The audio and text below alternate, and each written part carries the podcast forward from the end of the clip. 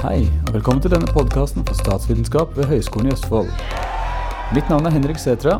Jeg underviser i metode her ved statsvitenskap, men tidligere studenter vil også ha møtt meg i politisk teori, internasjonal politikk og offentlig politikk og administrasjon. I disse podkastene skal vi snakke med personer ved seksjonen for statsvitenskap her ved Høgskolen Østfold, men også presentere forskning og andre interessante personer fra avdelingen økonomi, språk og samfunnsfag, som statsvitenskap inngår i.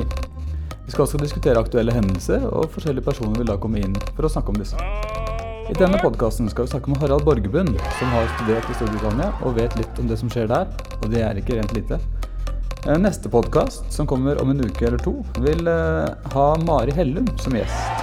Eh, Hun og jeg har et emne som heter demokrati og kommunikasjon for tiden. og Vi skal diskutere litt rundt de temaene den gangen.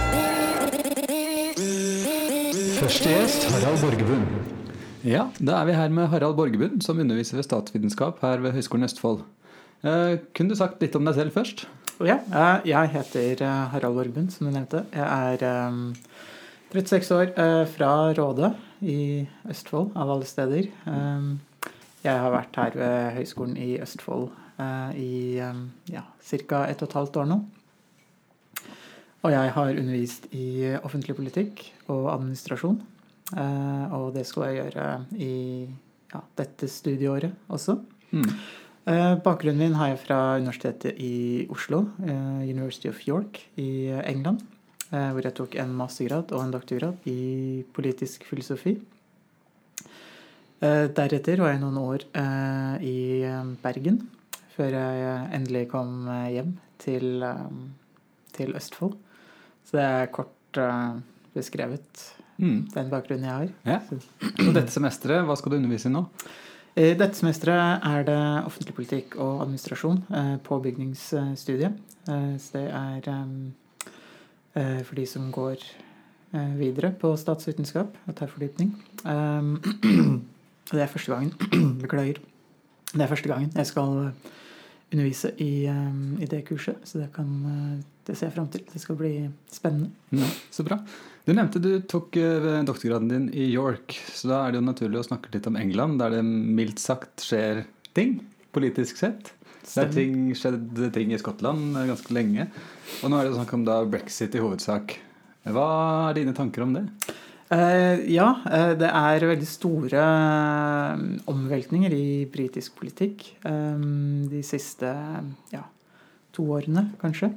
Eh, og eh, bakgrunnen for mange av de store endringene går antagelig enda lenger eh, tilbake. Og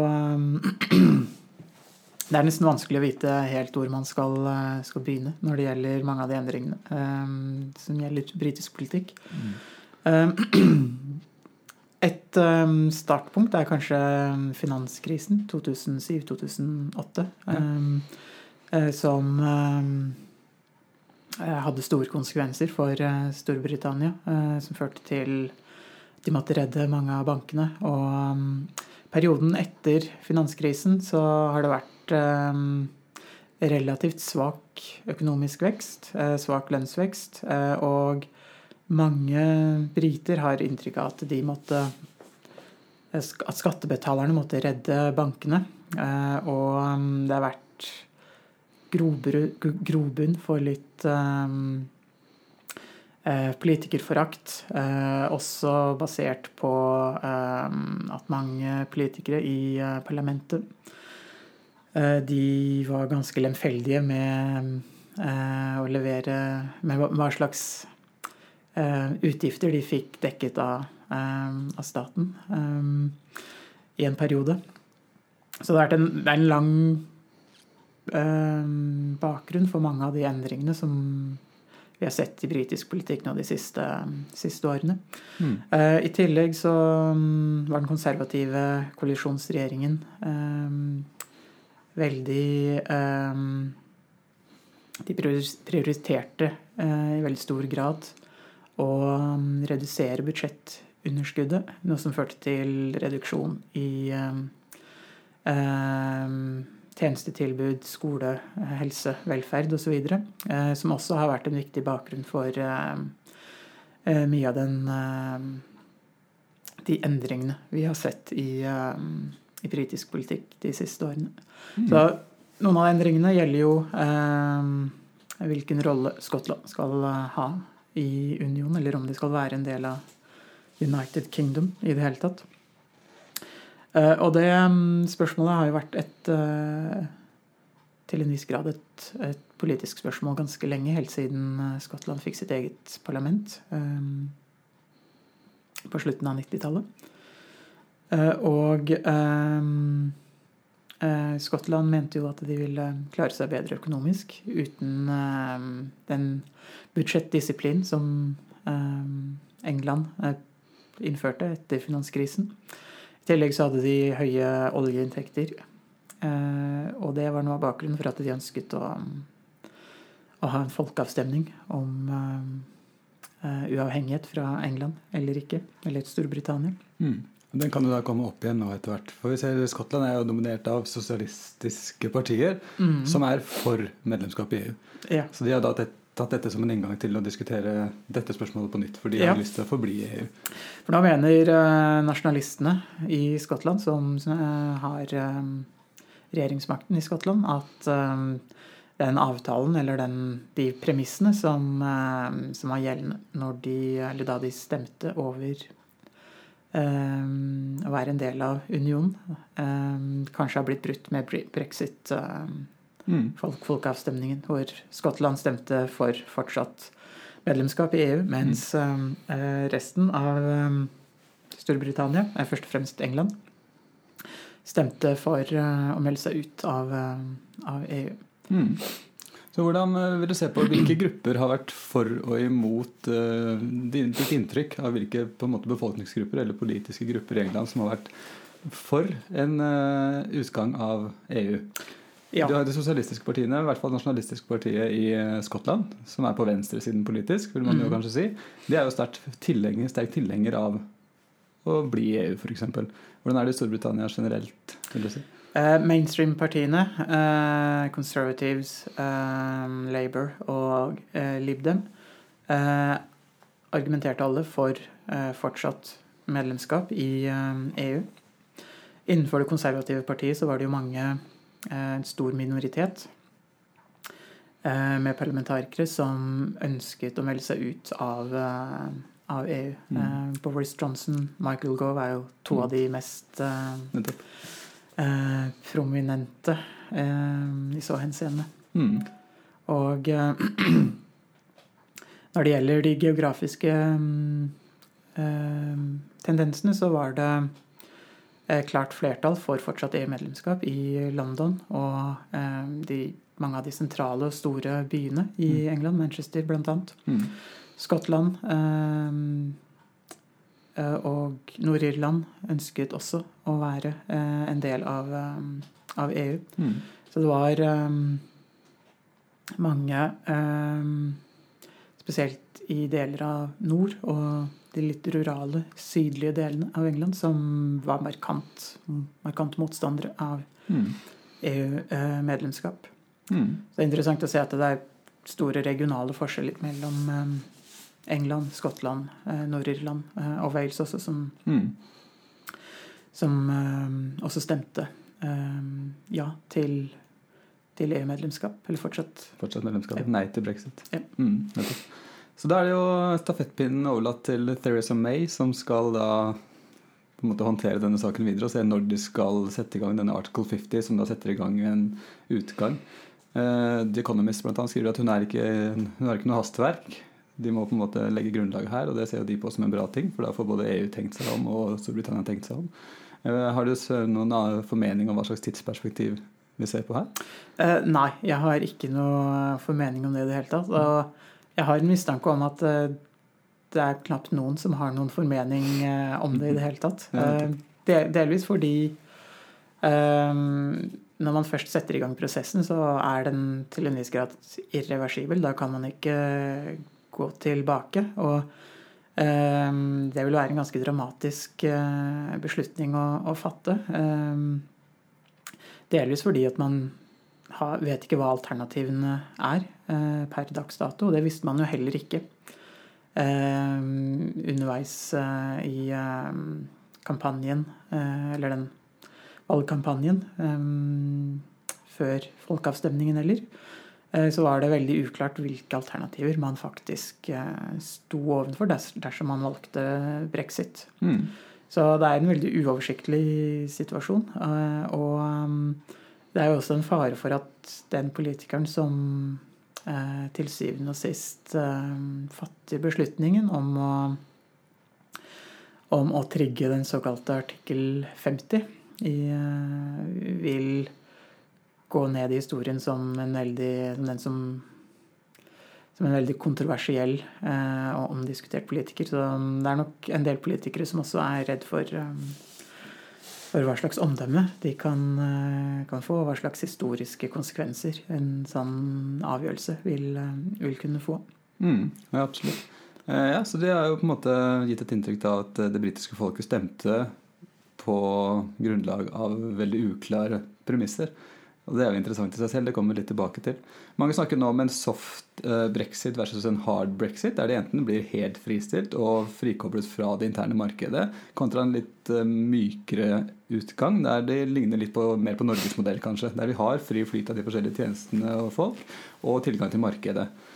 Eh, hva tenker du om eh, konsekvensene for Norge? Nå får vi da ny stor, et nytt stort europeisk land som står utenfor EU, og som da er i samme situasjon som Norge, i den forstand at de må forhandle med EU om tilgang til marked og eh, ja, rett og slett forholdet til EU. Hva tenker du om dynamikken nå?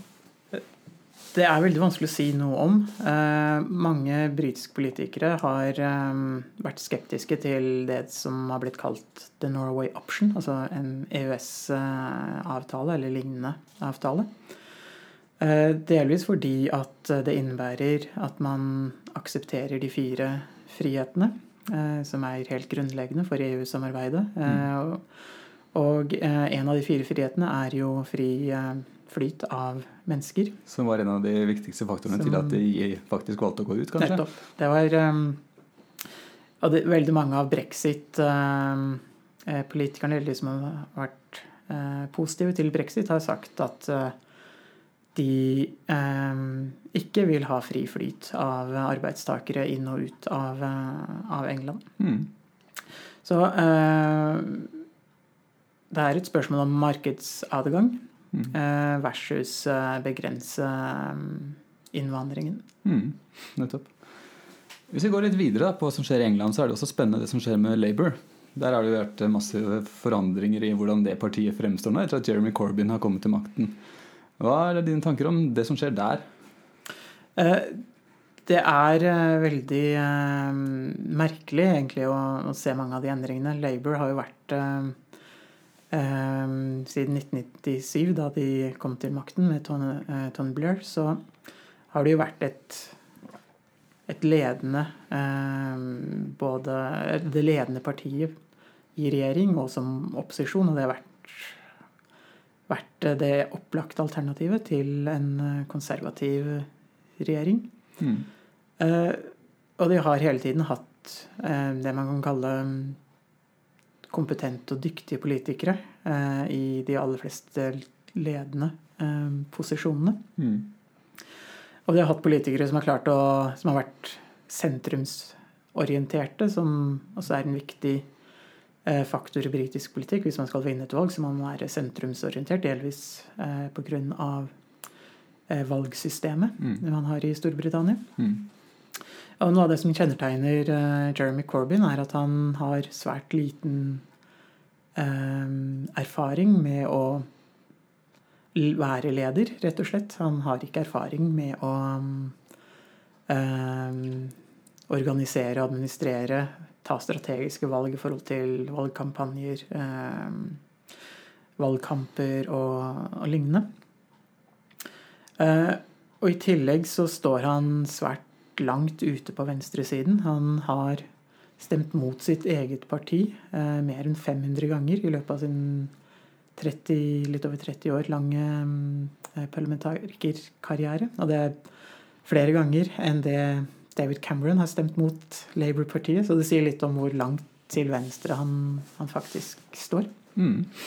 Så, så, det er litt um, vanskelig å vite eller å se hvordan en så venstreorientert eh, politiker vil kunne eh, overbevise de eh, velgerne som befinner seg i sentrum, og som kanskje er litt usikre om de skal stemme konservativ eller, eller Labour. Hvordan man kan, kan overbevise de, eh, de velgerne.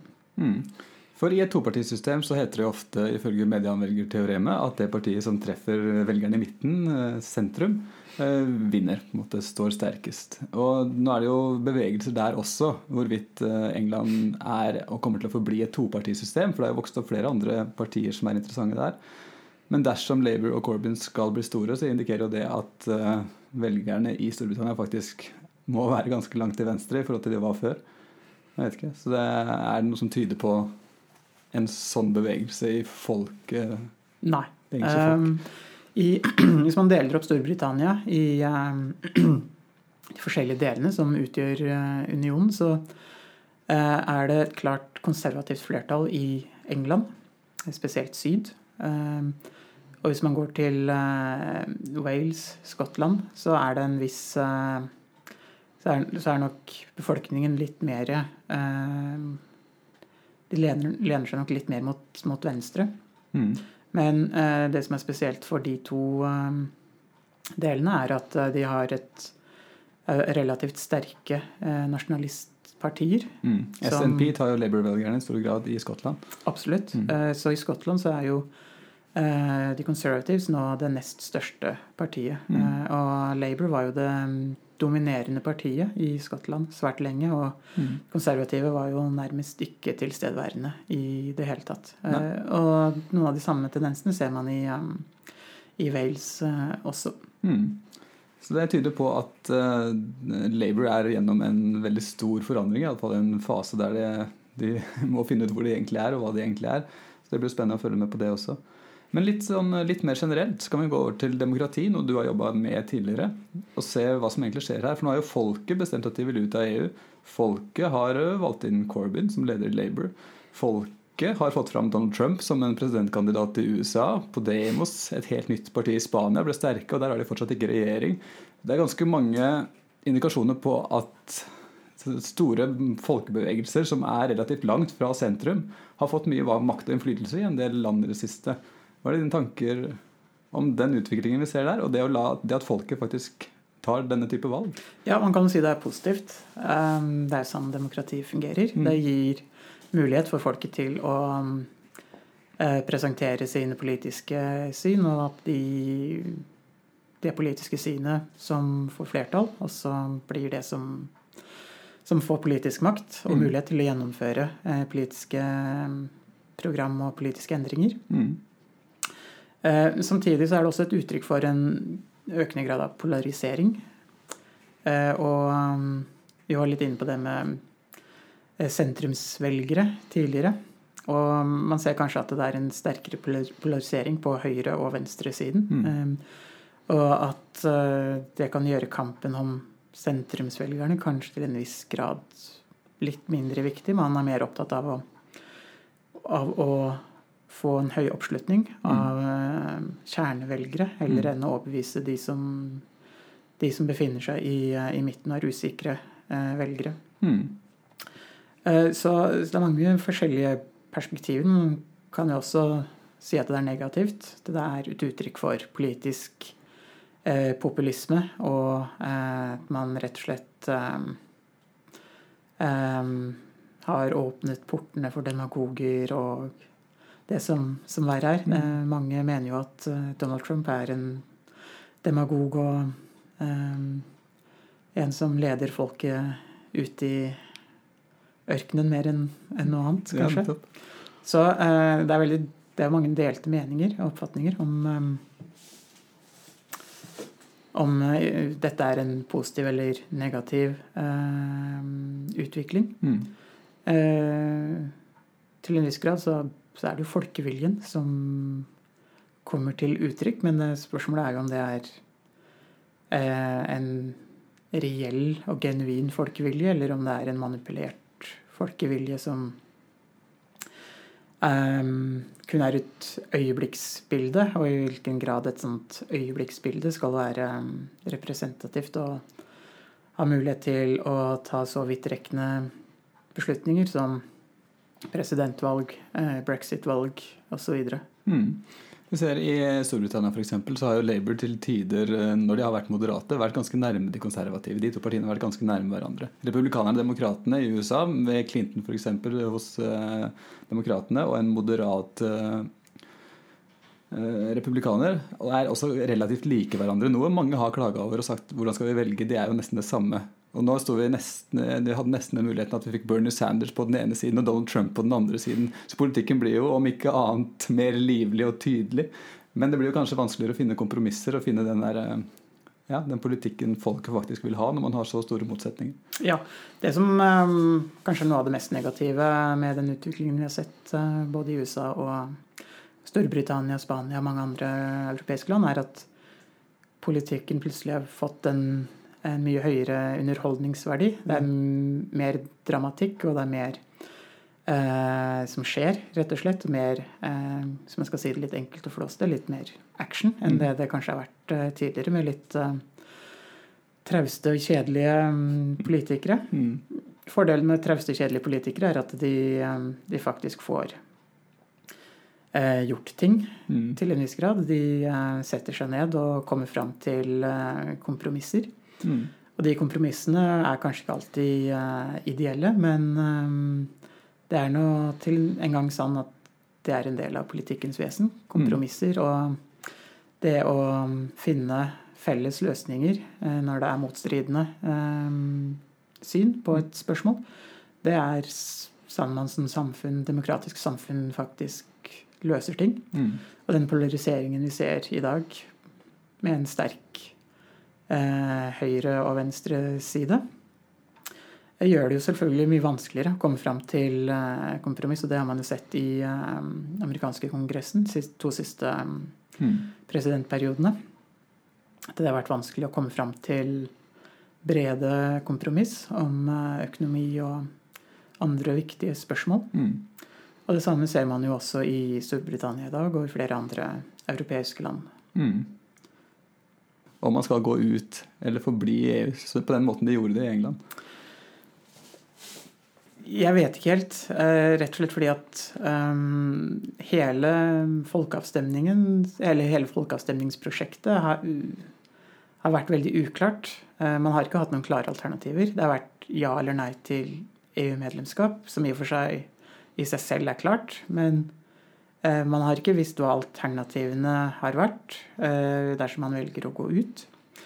Og eh, hvis man ser på brexit-folkeavstemningen, så har jo det til en ja, kanskje i stor grad vært en folkeavstemning hvor det er eliten, elitene som har stått mot hverandre, spesielt innenfor det konservative partiet, mm. som hadde de sterkeste eh, motstanderne og forkjemperne for eh, EU-medlemskap. Mm. Så um, på en måte kan man si at brexit er et eksempel på uh, eliter som står mot hverandre. Mm. Som er litt i tradisjonen til Schumpeter, uh, Roald og Dahl osv. Mm. Uh, men um, samtidig så er det jo har det vært et stort folkelig engasjement. Mm.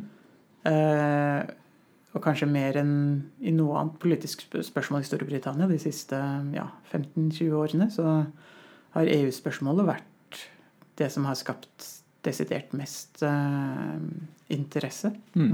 hos eh, eh befolkningen. Mm.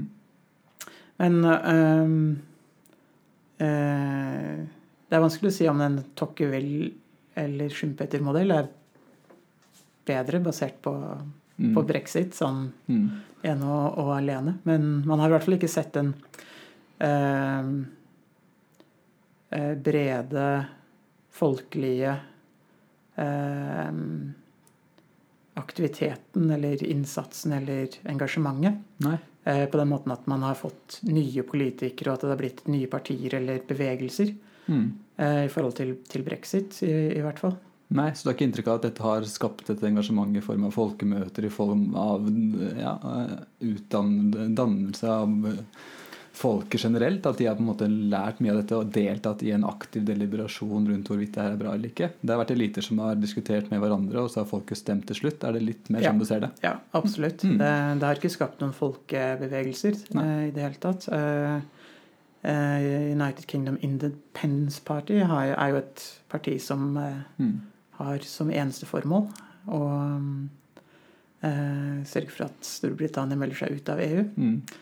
Og eh, det er jo et parti som har eksistert en, eh, en god stund, men som først eh, eh ja, de siste åtte-ti årene har fått en viss, eh, viss oppslutning. Mm. Men man kan ikke si at det nødvendigvis er en folkebevegelse eller noe som fører til økt grad av deliberasjon i på en måte en sånn tokkevill-forstand. Eh, Nei. Spennende tider for både demokrati og Storbritannia. Mange interessante temaer vi har vært innom her, som vi kanskje kan komme litt tilbake til senere i semesteret og året. ved en senere anledning. Jeg eh, vil takke deg for at du var her i dag. Det har vært en interessant samtale. Takk i like måte. Takk. Det var altså første podkast med Harald Borgerbund. Vi håper dere kommer tilbake og hører på neste podkast med Mari Hellum, som for tiden er aktuell i forbindelse med Morgenbladets kåring av fremragende forelesere. Så kom tilbake og hør på den podkasten neste uke.